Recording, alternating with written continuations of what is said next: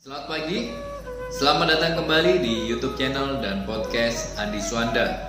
Hari ini saya kembali menjawab pertanyaan dari subscriber mengenai cara supaya tidak di bypass oleh vendor ataupun buyer dalam transaksi properti Anda.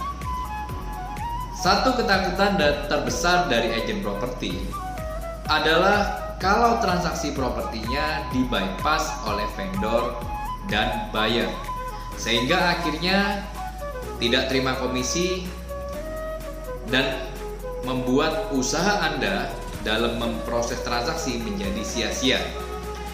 Nah, good newsnya, fakta mengatakan bahwa vendor dan buyer yang membypass Anda di dalam transaksi itu jumlahnya tidak lebih dari 5%. Jadi cukup kecil. Jadi sebetulnya eh, banyak masih banyak vendor dan buyer yang masih komitmen di dalam membayar komisi Anda. Nah, jadi ya istilahnya hanya 5% saja yang kemungkinan Anda akan mengalami kesulitan akan mengalami masalah di bypass oleh vendor ataupun buyer. Nah, sebelum saya memberikan langkah-langkah kepada Anda supaya Anda tidak di bypass di dalam transaksi Anda, maka Anda baiknya Anda mengerti dulu mengapa vendor ataupun buyer membypass agent properti di dalam transaksi properti mereka. Yang pertama, karena vendor ataupun buyer merasa ditipu oleh agent properti. Bisa saja karena properti yang mereka atau harga yang mereka berikan kepada Anda itu di lagi Padahal Anda sudah terima komisi yang dijanjikan oleh vendor. Nah, vendor mungkin merasa kok saya sudah memberikan komisi, si agent ini masih markup harga saya tanpa memberitahukan saya. Nah, karena kecewaan tersebut, mungkin vendor akhirnya memilih tidak melalui Anda. Mungkin dia sudah kenal dengan bayarnya, dia akan transaksi langsung dengan bayar tersebut. Jadi usahakan Anda dalam transaksi properti, usahakan Anda harus setulusnya dan betul-betul jujur di dalam memproses transaksi. Terus kemudian uh, alasan yang kedua, kenapa vendor ataupun buyer membypass Anda adalah vendor ataupun buyer merasa bahwa Anda sebagai agent properti kurang profesional atau tidak profesional dan mereka mungkin merasa anda tidak punya peran sentral di dalam proses transaksi tersebut. Nah, sering kali sekarang banyak orang menjadi broker properti. Entah itu tukang parkir, entah itu uh, tukang beca, banyak dari mereka yang juga nyambi sebagai broker properti. Tetapi cara mereka dengan cara agen properti profesional tentu saja berbeda. Mereka mungkin hanya mengenalkan setelah itu mereka tidak Eh, mengikuti proses transaksi sampai selesai. Nah, jadi apabila Anda masih seperti ini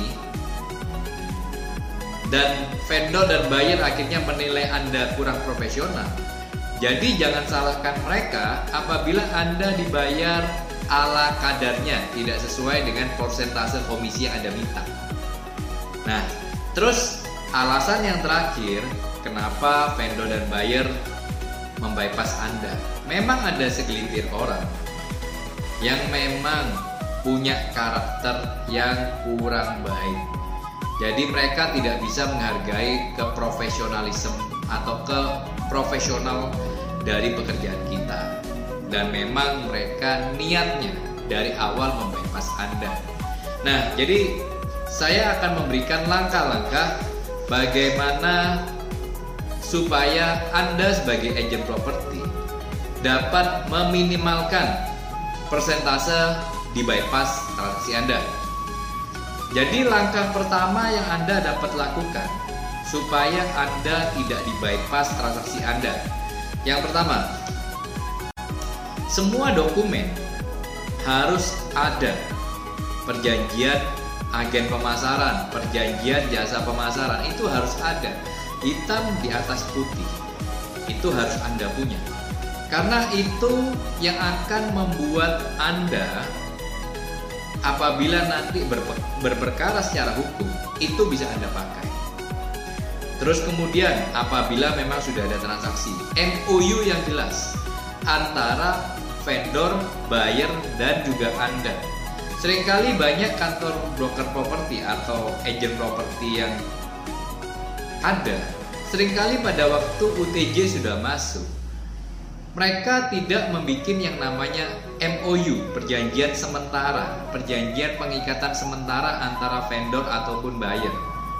Hanya uang tanda jadi masuk ke kantor, setelah itu dianggap transaksi. Nunggu nanti selesai AJB. Banyak kejadian yang akhirnya karena vendor dan buyer sudah Anda ketemukan, mereka saling kenal.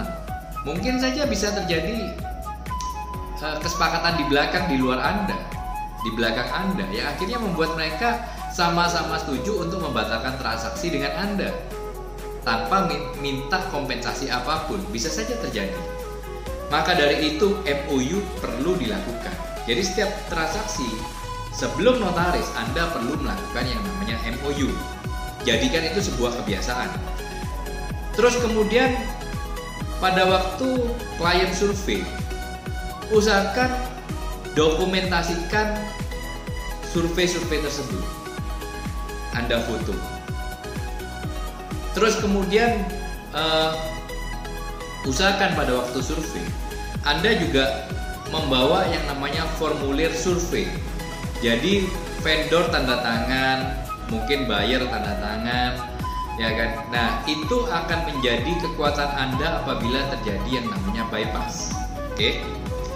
Nah, dan apabila semuanya komplit dan Anda masih di bypass, Anda bisa menempuh jalur hukum karena dokumen Anda semua komplit. Nah, saya pernah punya kejadian ada tim dari kita transaksi. Perjanjian agen pemasaran, perjanjian komisi sudah ada. MOU transaksi sudah dibuat, tetapi di tengah jalan tiba-tiba si vendor membatalkan transaksi dengan satu dan dua alasan. Dan anehnya, si buyer tidak minta kerugian apa pun juga. Dia dengan sukarela menerima bahwa si vendor membatalkan. Nah, waktu itu kita cukup kaget. Kenapa kok bisa seperti ini? Ya kan? Nah, akhirnya karena memang kedua belah pihak menyetujui untuk dibatalkan, ya kita kembalikan lagi UTJ-nya, uang tanda jadi. Nah, benar.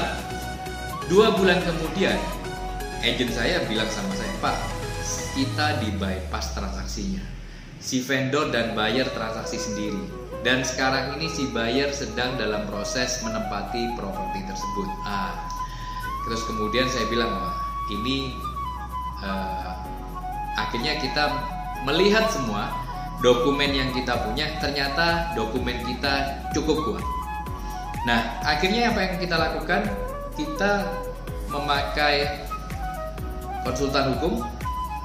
Kita memberikan yang namanya uh, surat somasi kepada vendor karena memang vendor yang bayar komisi. Dan akhirnya singkat cerita dengan adanya surat somasi tersebut akhirnya vendor merasa ketakutan. Dan pada akhirnya vendor menelpon marketing kita, agent properti kita, dan akhirnya dia mentransferkan komisinya. Nah, jadi memang jalur hukum adalah langkah terakhir yang akan kita ambil apabila kita dibebas.